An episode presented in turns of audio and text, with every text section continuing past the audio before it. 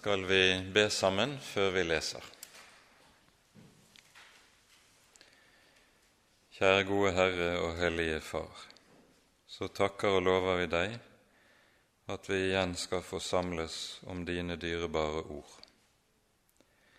Takk, Herre, at du selv møter oss i og gjennom Ordet, slik at vi kan kjenne deg nettopp i Ordet. Nå ber vi, Herre, ta deg av oss, la din Hellige Ånd gjøre sin gjerning i oss og med oss, slik at dine ord kan skrives i våre hjerter og bære den frukt som du hadde tenkt. Takk, Hellige Herre, for barnekåret hos deg. Takk, Hellige Herre, for syndenes forlatelse. Takk, Herre, at i Jesus har vi alt vi trenger til liv og salighet. Vil du så komme og dele ut av din rikdom og av dine gaver til oss denne kvelden. Amen.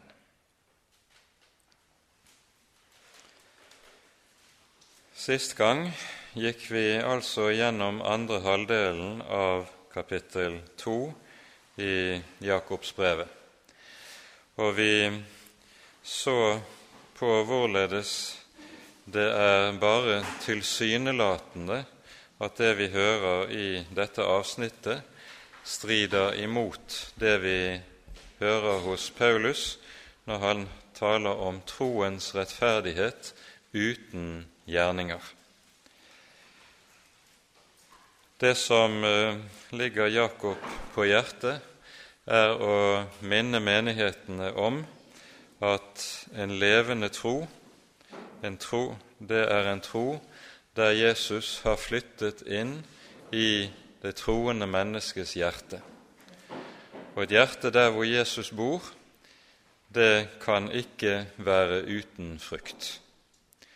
En død tro som bare består i tomme ord, uten at Jesus virkelig har flyttet inn hos den troende, det er det Jakob eh, gjør opp med og tegner en meget klar grense i forhold til.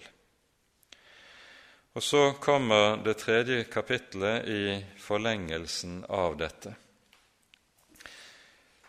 Ehm, frukt i en troendes liv, det skal også vise seg i hvordan vi taler. Det skal vise seg i våre ord. Og hele kapittel tre dreier seg nettopp om våre ord. Her er det helt klart at Jesu ord i ehm, Matteusevangeliets tolvte kapittel spiller en meget stor rolle som bakteppe for det vi leser her i Jakob 3. Og Jeg tror vi tar oss tid til innledningsvis å lese fra Matteus 12 før vi leser avsnittet i eh, Jakob 3. Det er Matteusevangeliets tolvte kapittel,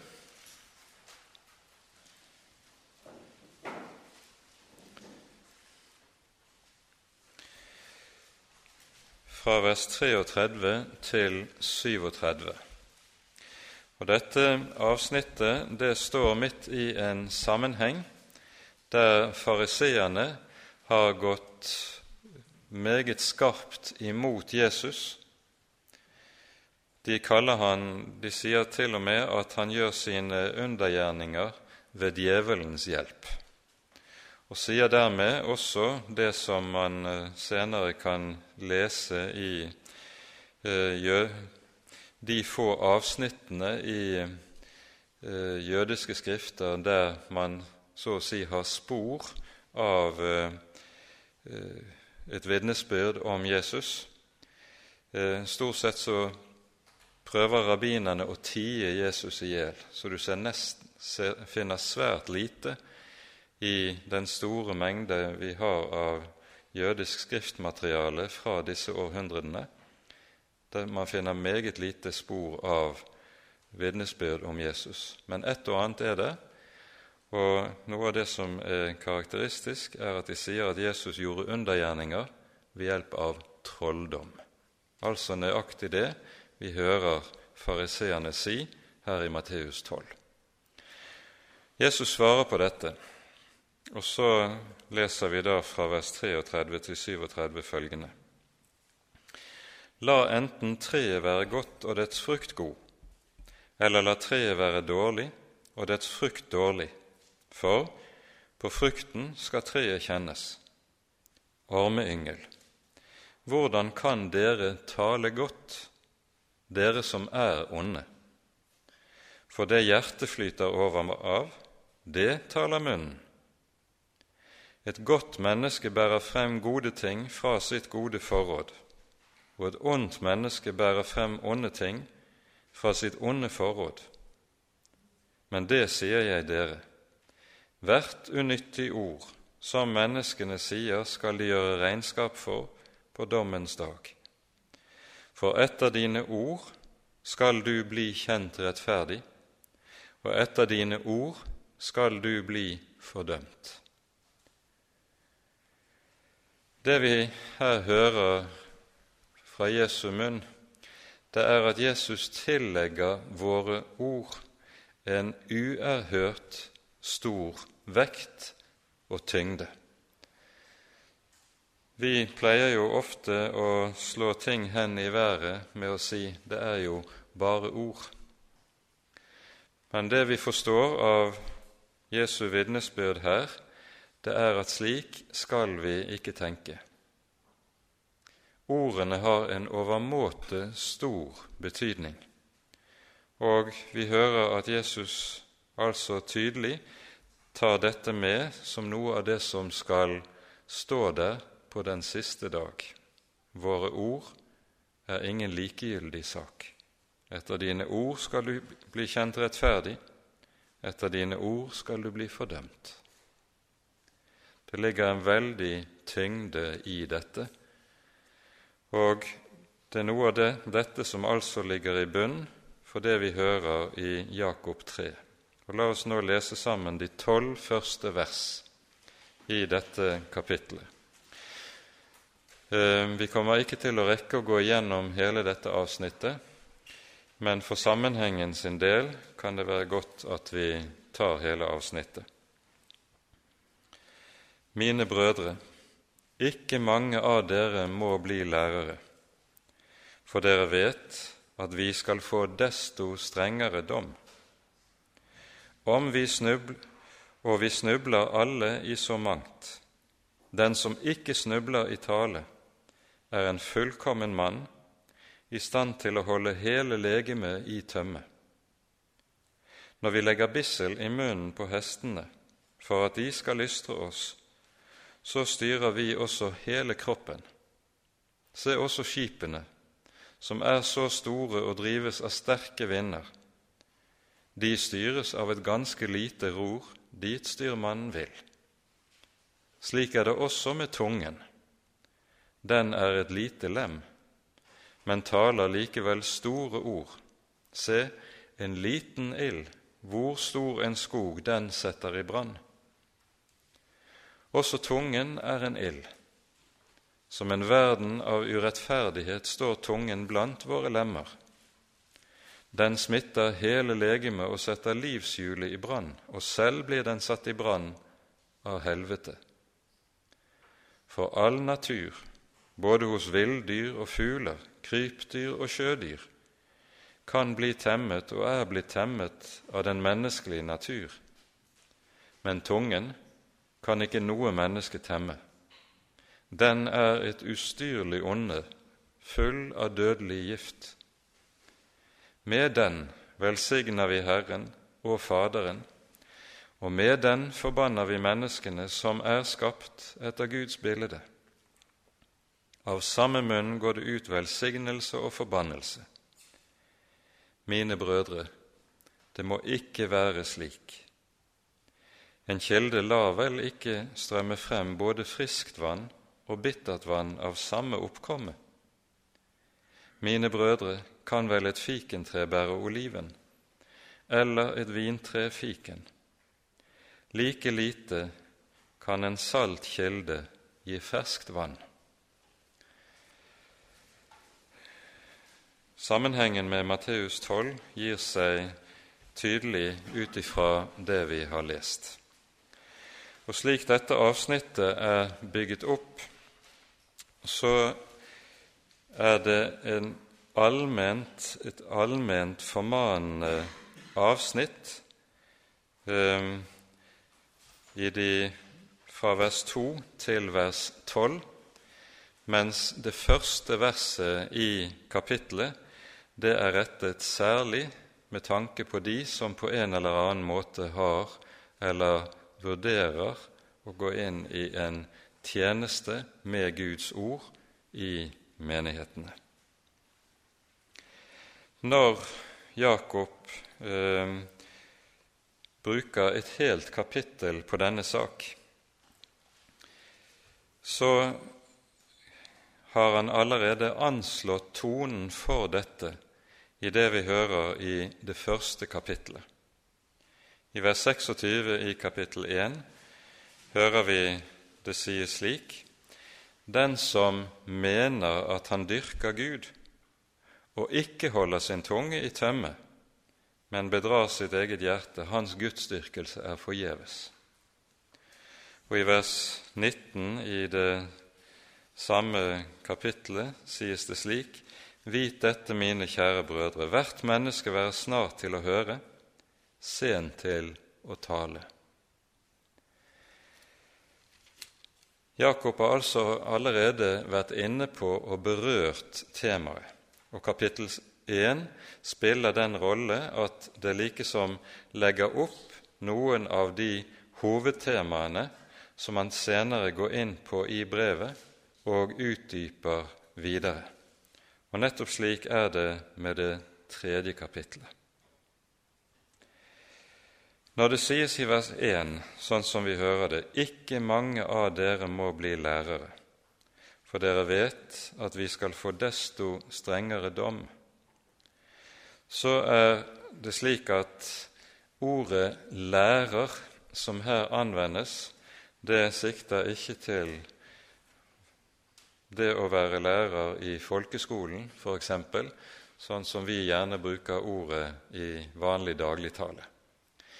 Ordet lærer er i den kristne menighet en tittel på en ganske bestemt tjeneste, som også benevnes med flere andre ulike navn i eh, Det nye testamentet.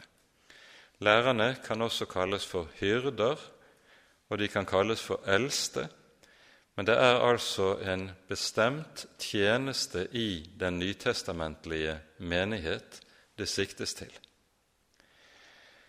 Vi hører at denne tjenesten er en tjeneste som Jesus selv har innstiftet i menighetene. Det er altså ikke noe som er et menneskepåfunn. Vi leser f.eks. i 1. Korinterbrev kapittel 12 om akkurat denne saken. Her sies det i 1. Korinterbrev 12, vers 28.: Gud satte i menigheten først noen til apostler, for det andre profeter, for det tredje lærere. Her nevnes altså ulike tjenester i menighetene som er gitt og innstiftet av Herren selv. Vi bør i denne sammenheng også minne om ordene i Efeserbrevets fjerde kapittel, som er ganske sentrale. Her hører vi det tale om det fjerde kapittelet, et menighetskapittel i særlig forstand, og vi hører om hvorledes Jesus i forbindelse med at han blir tatt opp til himmelen, opphøyes til Faderens høyre hånd, også da utgyter Den hellige ånd, og Den hellige ånds gave legemliggjøres i bestemte tjenester i den kristne menighet. Det står Vi leser fra eh, vers 11 av i Efesane 4. Han er det som ga noen til apostler, noen til profeter, noen til evangelister, noen til hyrder og lærere. Her hører vi også denne tittelen 'lærer' eh, dukker opp. De tre første tjenestene som her nevnes, apostler, profeter og evangelister, det var i den første kristenhet omreisende tjenester. Det var slike som gjorde tjeneste i alle de ulike menigheter omkring i den første kristne kirke, mens hyrder og lærere de var stasjonære, de hadde sin tjeneste i den lokale menighet og dro ikke omkring på den måten. Når det er tale om lærere slik, så henger dette sammen med for det første det at Jesus selv kalles for lærer. Leser du evangeliene i sammenheng, så er det slik at hele 41 forskjellige vers eller steder kalles Jesus for lærer. Så det er en tittel som også Jesus eh, tilskrives i en rekke ulike sammenhenger i evangeliene. Faktisk er det bare én annen tittel på Jesus som brukes hyppigere i evangeliene, og det er ordet Herre, Kyrios. Mens ordet lærer altså er den nest hyppigste av tiltalene som, og titlene som Jesus benevnes med. Dette henger sammen med at Jesu undervisning meget hyppig benevnes med at han lærer folket. Jesus er ikke bare en som forkynner, det er ikke bare dette begrepet som anvendes om hans gjerning, men det tales meget hyppig om at han lærer, han underviser folket. Og denne Jesu undervisende gjerning, den dreier seg om undervisning i Guds ord. For læren, det er Guds ord. Læren er ikke noe annet enn Guds ord, det som er gitt i Den hellige Skrift. Tvert om, læren er Guds ord. Og Derfor kan vi høre det sies om de første kristne de holdt trolig fast ved apostlenes lære. Et uhyre viktig bibelvers, og det vi merker oss med dette verset, det tales jo om fire saker som de første kristne var kjennetegnet ved at de holdt fast på. De holdt trolig fast på apostlenes lære, ved brødsbrytelsen, ved bønnene og ved brorskapet. Men læren nevnes altså først. Og det er ikke tilfeldig, fordi det jo er slik dette er den saklige sammenheng i dette, at det er læren som er forutsetningen for de andre tre. Det gis ingen sann bønn uten rett lære.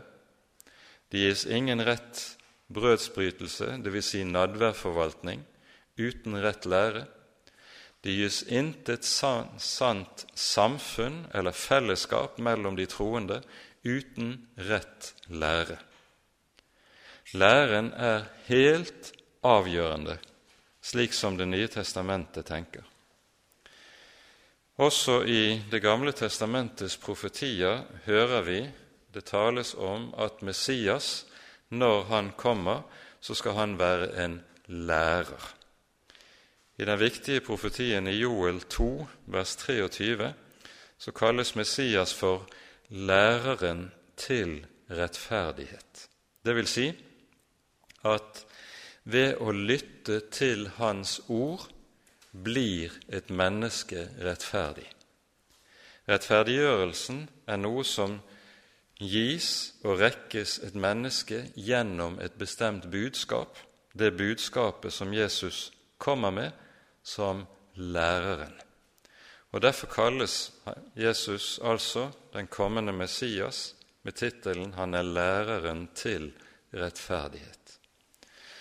Også i sentrale avsnitt i Jesaja-boken hører vi det samme. I profetien i kapittel 2, kapittel 11, kapittel 42, kapittel 61 i Jesaja-boken Vi har ikke tid til å lese alle disse. Så hører vi det understrekes dette med Messias undervisning og lære, og hva denne undervisning og lære skal utvirke mellom menneskene.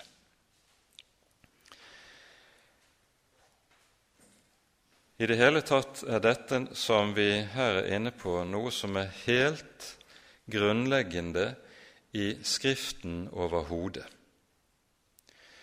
Når den gamle pakt er innstiftet, så hører vi at samme sak også er noe som stadig lyder på Mose lepper. Vi hører Vi kan bare lese ett eksempel på dette. Femte Moseboks fjerde kapittel. Der står det slik ifra begynnelsen. Så hør nå, Israel, de lover og de bud som jeg lærer dere å holde, for at dere må leve og gå inn i det land som Herren deres fedres Gud gir dere, og ta det i eie. Dere skal ikke legge noe til det ord jeg byr dere, og dere skal ikke trekke noe fra, men dere skal holde, dvs. Si dere skal ta vare på, Herrens, deres Guds bud, som jeg gir dere i dag. Det ord som vanligvis omsettes i Det gamle testamentet med lov, f.eks. eksempel, vi møter dette ordet i Salme 1. Salig er den mann som ikke vandrer i ugudeliges råd, osv men har sin lyst i Herrens lov og grunner på Hans lov dag og natt. Slik står det i Salme 1. Det ordet som er omsatt med lov, det betyr undervisning. Og det burde vel egentlig vært oversatt slik i våre bibeloversettelser også. For når vi omsetter det med lov, så begrenser det med en gang vår tanke om hva, rundt hva det egentlig er som står der. Har sin lyst i Herrens undervisning. Det er det som sies. Og ser du, tar du en bibelbok og går igjennom alle de steder hvor du finner ordet lov eller loven i Det gamle testamentet, så er det i all hovedsak dette ord som ligger bak det ordet som betyr undervisning. Vi hører altså at Jesus underviser, han lærer.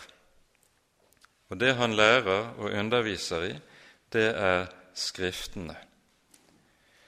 Vi hører også det tales om at Den hellige ånd er en slik lærer som underviser i Skriftene. Før sin død og korsfestelse så hører vi Jesus tale om Ånden og Hans komme og Hans gjerning, og sier, han sier om Ånden han skal minne dere om og lære dere alle ting jeg har sagt dere. Johannes 14, vers 26. Og Samme sak hører vi også i det 16. kapittelet i Johannes evangeliet. Jesus understreker dette at Ånden er en lærer. Svarene til dette så hører vi da også at det tales meget om læren i brevlitteraturen i Det nye testamentet. I, i eh, pastoralbrevene, dvs. Si første og andre Timotius brev og Titus brev, så dukker det opp et særlig uttrykk, nemlig den, det er tale om det som kalles for den sunne lære. Det som ligger i dette uttrykk, det er at der hvor læren er sann og rett etter Guds ord, der fører dette også til sunnhet i det åndelige liv, sunnhet i det kristne liv. Det er det som er tankegangen bak uttrykket. Og kanskje vi med dette også skulle ha lov til å minne om Jesu ord i Matteus 11. Her sier Jesus, nå vel alle dere som strever og har tungt å bære, kom til meg. Ta mitt åk på dere og lær av meg. Så skal dere finne hvile for deres sjeler. Legg merke til den sammenhengen. Der evangeliet får lov til å læres rett, så har den en helt bestemt frukt i et menneskes liv. Så skal dere finne hvile for deres sjeler. Dette er den sunne lære. Når vi understreker dette såpass sterkt som vi gjør det her, så er det fordi vi lever i en tid hvor det som har med lære og lærebevissthet langt fra er noen selvsagt sak lenger blant kristne mennesker. For det første er det jo slik at tidsånden i det samfunn vi lever i, den er det vi kaller relativistisk eller pluralistisk. Man kan sette Pilatus' ord til Jesus fra Johannesevangeliets 18. kapittel som overskrift over mye av tidsånden. Hva er sannhet? Man trekker på skuldrene og mener egentlig at det går ikke an å finne noen absolutt sannhet. Dette er en del av det som kalles postmodernismen. Og Fordi det ikke går an å finne frem til noe som er absolutt sant, så trekker menneskene på skuldrene og tenker som så ja vel, det viktigste er da i stedet at ting fungerer oss imellom, og så får sannhetsspørsmålet seile sin egen sjø. Og så erstattes eh, sannhetsspørsmålet av det vi kaller for pragmatisme. Man er opptatt av utelukkende hvorvidt noe fungerer godt eller ikke. Om det er sant eller ikke, har liten interesse, det har mistet sin interesse. Det viktigste er at ting fungerer, både i samfunnet og i mellommenneskelige relasjoner. Hele denne åndsstrømning har i meget stor utstrekning også eh, brutt inn i den kristne menighet, slik at det er liten interesse for å tale om læren blant kristne mennesker. Det viktigste er at ting fungerer. Fungerer i menighetene, slik at vi har det kjekt sammen, og at vi kan se at det kommer stadig flere mennesker som legges til i menighetens forsamling. Det er pragmatismen. Og så finner man da på ulike former for tiltak som en kan ty til for at ting skal fungere bedre og bedre, mens alle som stiller spørsmålstegn på teologiske premisser, anses som brysomme. Dette er blitt meget vanlig innen store deler av kristenheten. Dernest må vi peke på en annen årsak til at læren ser ut til å ha blitt mye av en salderingspost blant svært mange kristne mennesker. Det er den åndsstrømning som har gjort seg gjeldende de siste 250 år innen kristenheten, som har hevdet at det er livet det kommer an på, ikke læren.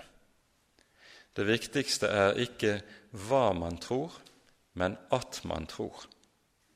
Den slags slagord kan du støte på i kjølvannet av denne åndsretning og åndsstrømning.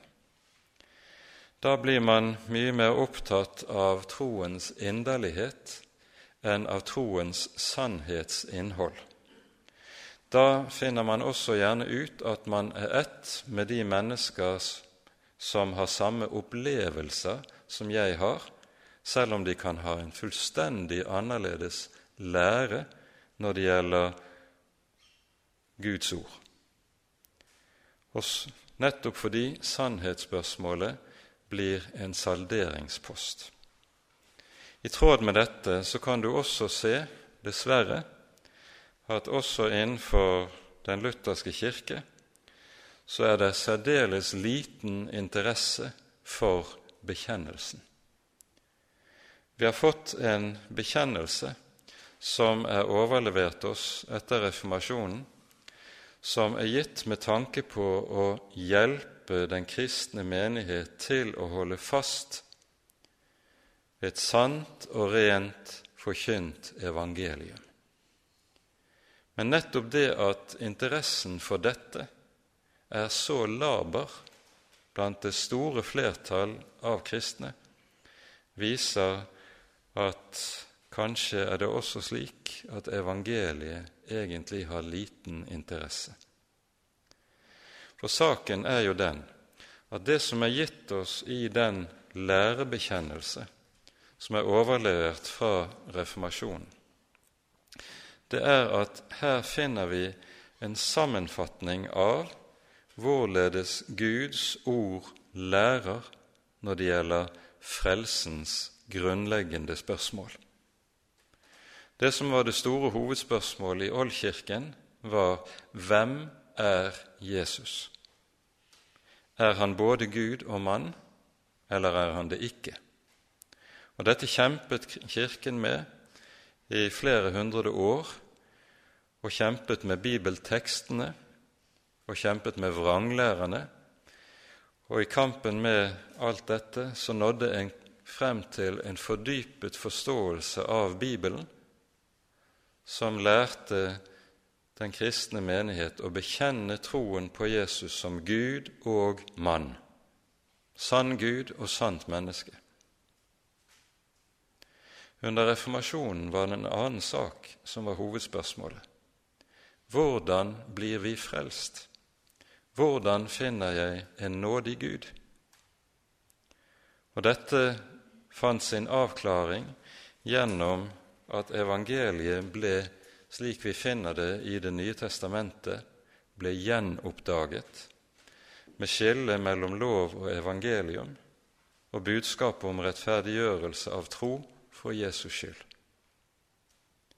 Den bekjennelse som er overlevert oss fra reformasjonsårhundret, er gitt oss med tanke på å bevare og hjelpe oss til å ta vare på dette evangeliet. Hvorfor er det så lite interesse for bekjennelsen? Jeg stiller spørsmålet, og jeg tror det er viktig at vi kanskje besinner oss på dette noen enhver. Når vi taler om begrepet lærer, slik som vi finner det her i Jakobs brev og i Det nye testamentet, så er det tale om det å være lærer i Guds ord. Og det at Herren har gitt og innsatt lærere i sin menighet, det har en bestemt hensikt. Vi vender tilbake til Efeserbrevets fjerde kapittel.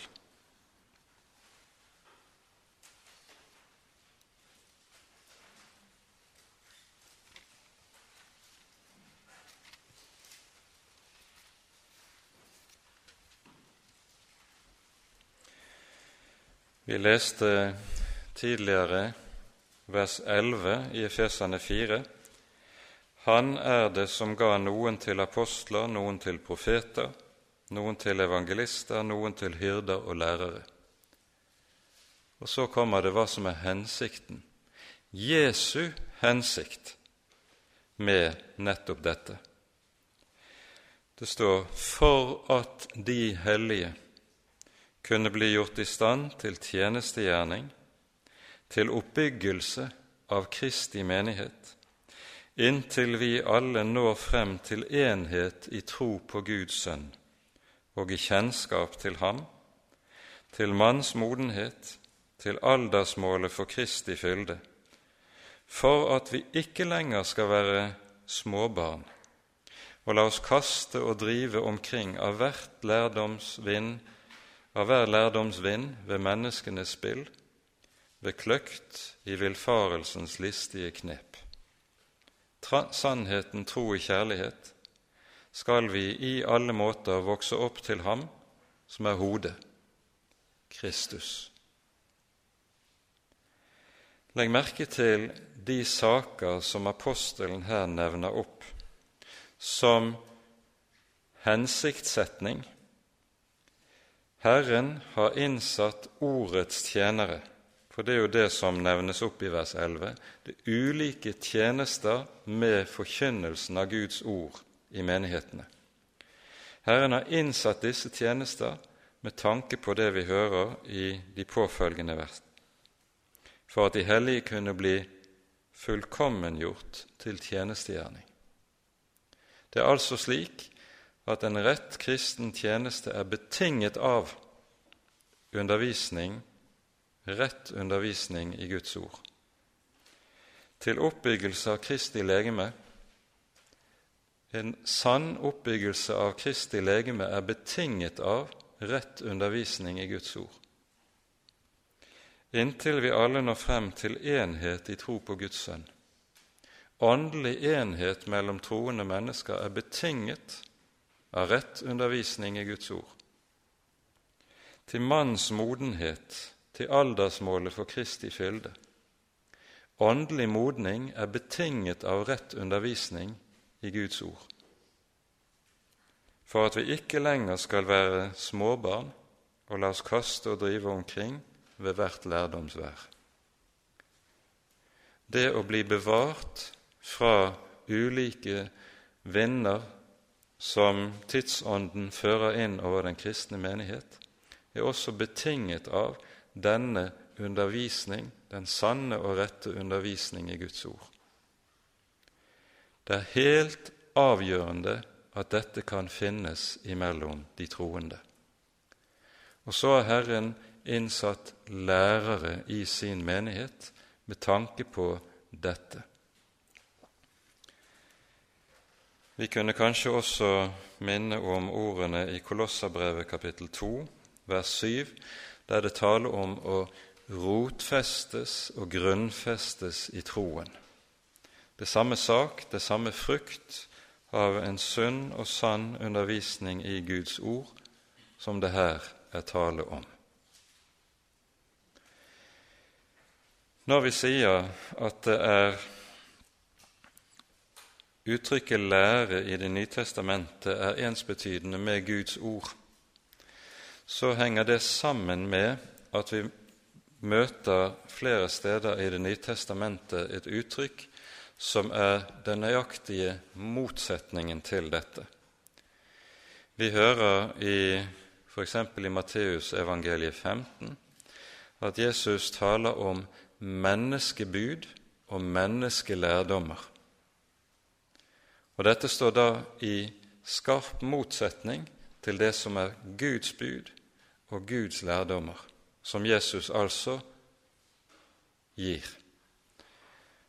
Og Vi hører tilsvarende også et par andre steder i Det nye testamentet, f.eks. Kolosserbrevet 2, der det er tale på samme måte om menneskelærdommer. Det som kjennetegner en sann og rett lære, det er at den nettopp ikke gir menneskelige tanker, menneskelige bud og lærdommer, men at den hjelper menigheten til å trenge inn i og til å forstå Guds eget ord i Den hellige Skrift. Intet annet. Så skal lærerne da aldri komme med sine egne meninger om ditt eller datt. Ikke på noe område. Lærerne er satt til ene og alene å holde frem det Guds ord som er overlevert. Og Her bruker, vi også et annet uttrykk som er viktig i Det nye testamentet, og det er ordet overlevering. Ehm, det er et uttrykk som i Det nye testamentets grunntekst eh, opptrer langt oftere enn vi finner det i våre oversettelser. En av de viktigste tekstene finner vi i 1. Korinterbrevs 15. kapittel, og jeg tror vi skal minne om dette i denne sammenheng.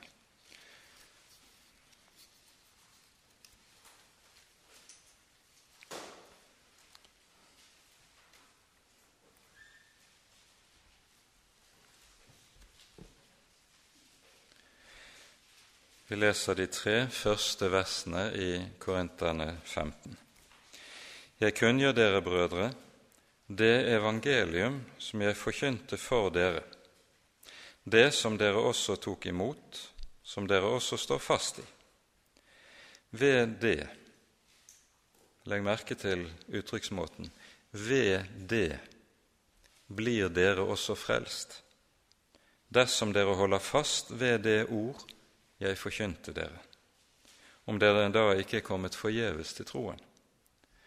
For jeg overga dere blant de første ting det som jeg selv tok imot, at Kristus døde for våre synder etter Skriftene.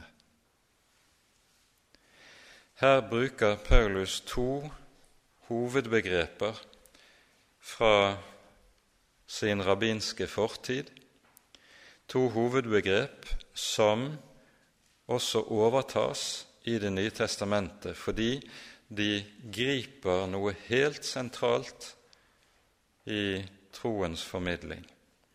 Det er ordet å ta imot og å overgi.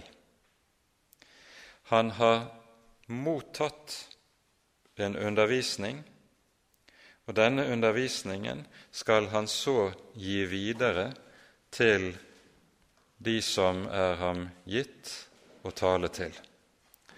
Og denne prosessen å ta imot undervisning, ta imot Guds ord, for så å gi det videre, overgi det, det er den grunnleggende tradisjonsprosess. Det latinske ordet som oversetter grunntekstens gresk, det er nettopp å tradere. Hva er det som skal tas imot og overgis. Vi tar imot Herrens undervisning, Herrens lære, og det gis videre. Og troskap i denne prosessen består i at det som er tatt imot, det overgis videre i uforandret skikkelse. Det er ikke opp til meg å forandre på det jeg har tatt imot fra Guds ord, og justere på det legge til eller trekke fra, sånn som vi hørte det. Det skal gis videre i uforandret skikkelse. Det er troskap.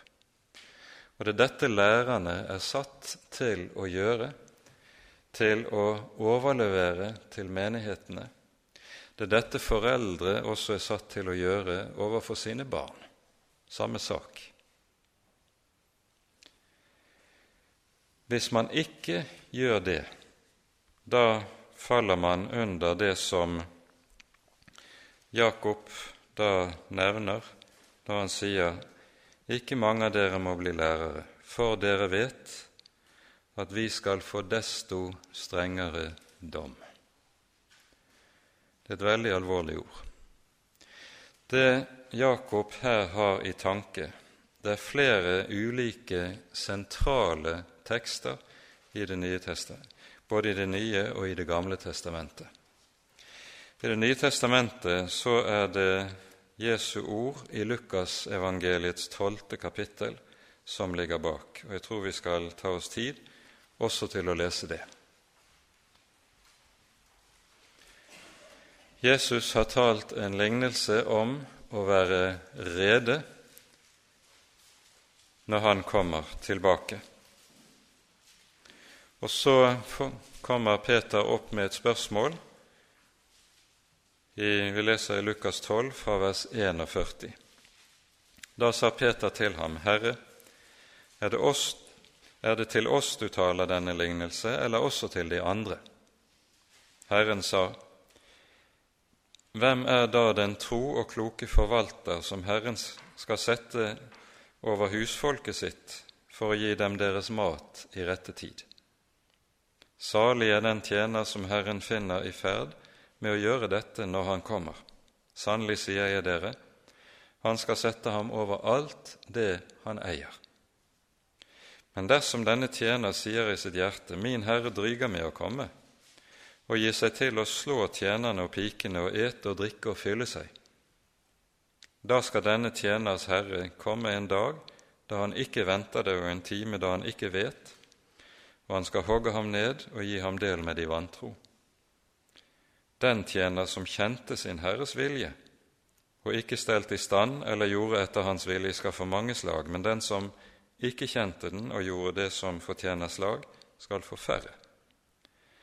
Vær den som mye er gitt, av ham skal mye kreves. Og den som har fått mye betrodd, av ham skal desto mer fordres.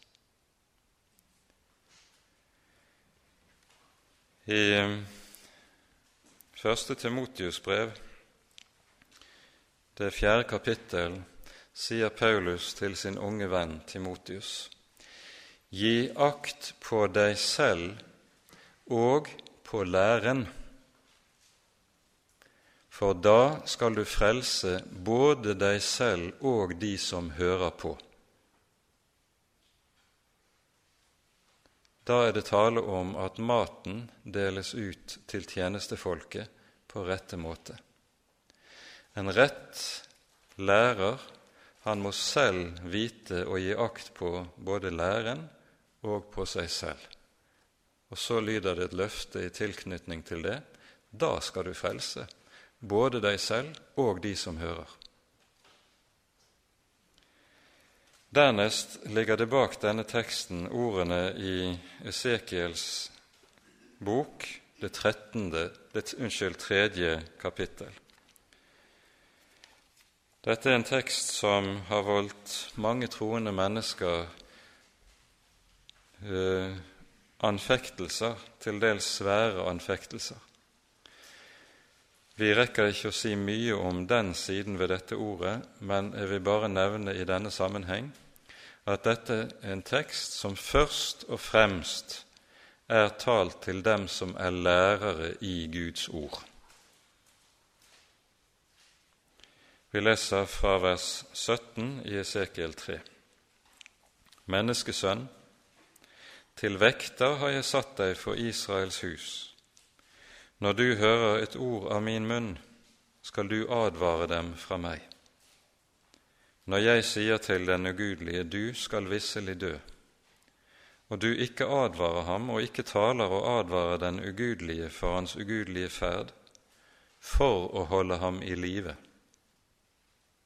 da skal han, den ugudelige, dø for sin misgjernings skyld men hans blod vil jeg kreve av din hånd. Det er et uhyre alvor som her legges inn over profeten, og som også står der for alle som har fått ansvar for å forkynne Guds ord. Og Det er på bakgrunn av dette vi forstår at Jakob skriver som han gjør. Ikke mange av dere blir lærere, for han skal få desto strengere dom. Det vi her er inne på, det er noe som Paulus også eh, er inne på i apostelgjerningenes 20. kapittel, der vi hører Paulus tale avskjedstalen til de eldste i Efesos.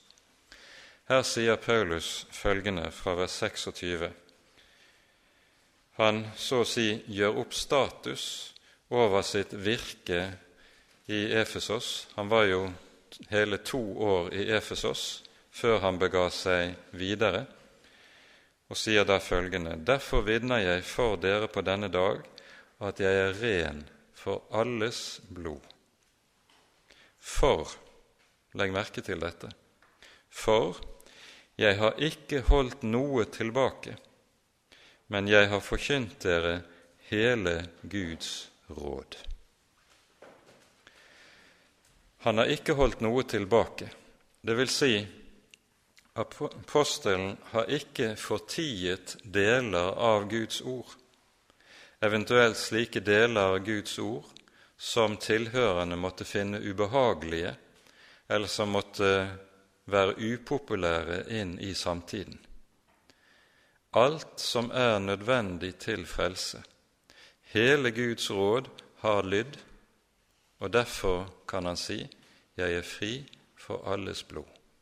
Han har ikke holdt noe tilbake. Det er jo nettopp det Esekiel advares imot også, å holde det alvorlige tilbake der hvor det skulle vært talt til beste for mennesket at det skulle komme til omvendelse.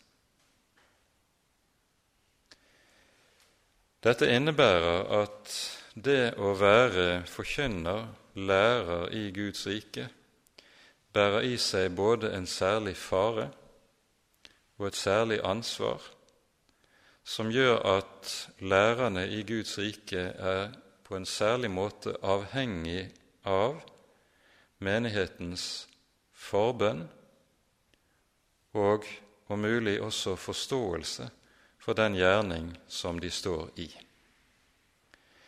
Det er derfor vi hører ordene i Hebreabrevets 13. kapittel som formaning gitt til menighetene.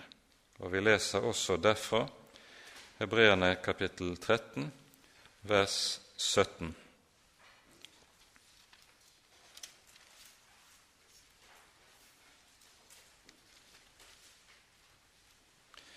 Det står følgende Vær lydige mot deres veiledere og rett dere etter dem, for de våker over deres sjeler og skal avlegge regnskap for det. Det er noe av alvoret som ligger her. Se til at de kan gjøre det med glede og uten sukk, for ellers vil det ikke være til gagn for dere. Dette er en del av det som vår bibel taler om når det gjelder det å være lærer, lærer gjerningen i Guds rike, og først og fremst lærens betydning i den kristne menighet. Den kristne menighet må med nødvendighet være en undervisende menighet hvis det skal være en sann og rett menighet.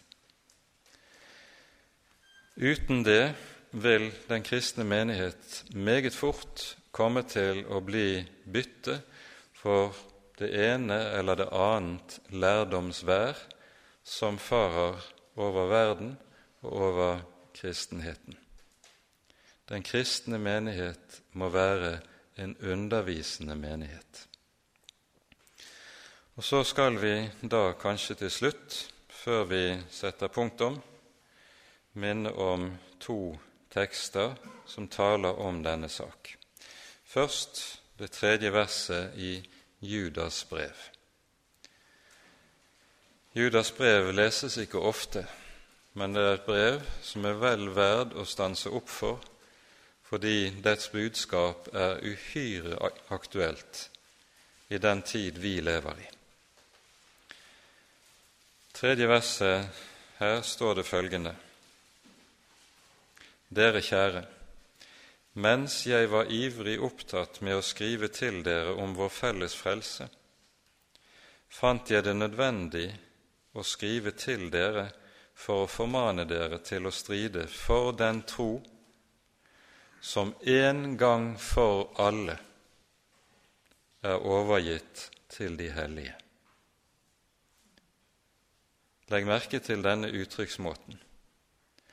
Det som her sies, er altså at det budskap som er gitt oss i Guds ord, i evangeliet, i budskapet om frelsen, det er et budskap som er gitt én gang for alle. Det er ikke undergitt noen utviklingens lov. Det er ikke noe som det er opp til oss å forandre på eller justere på, til å legge til eller trekke fra. Det er gitt én gang for alle til de hellige. Og så sies det her strid. Han finner det nødvendig for å formane dere til å stride for den tro som en gang for alle er overgitt. Det vil også være slik at det vil være nødvendig å stride for denne tro, fordi djevelen stadig angriper den er det noe den onde ikke kan tåle, så er det et sant og rett forkynt evangelium. Han vil alltid prøve å ødelegge det, forvanske det, tåkelegge det, blande det opp med mennesketanker på ulike måter, slik at det tåkelegges eller ødelegges for de troende. Og fordi djevelen ikke vil noen gang la evangeliet være i fred, så lyder altså denne formaning strid for den tro som en gang for alle er overgitt til de hellige. Dernest Romerbrevet kapittel 6, og vi slutter av med dette verset i kveld. Dermed så blir det egentlig bare ett vers vi rekker å stanse opp for her i Jakobs brev i kveld, men det får våge seg. Det er såpass avgjørende ting dette dreier seg om, at jeg tror det var nødvendig å stanse opp for dette. I Romane 6 så står det slik i det 17. verset.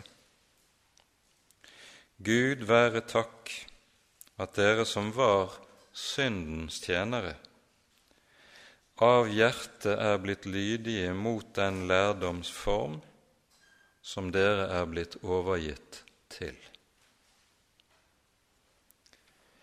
Å være kristen, det er av hjertet Legg merke til det uttrykket av hjertet å være lydig mot en lærdomsform.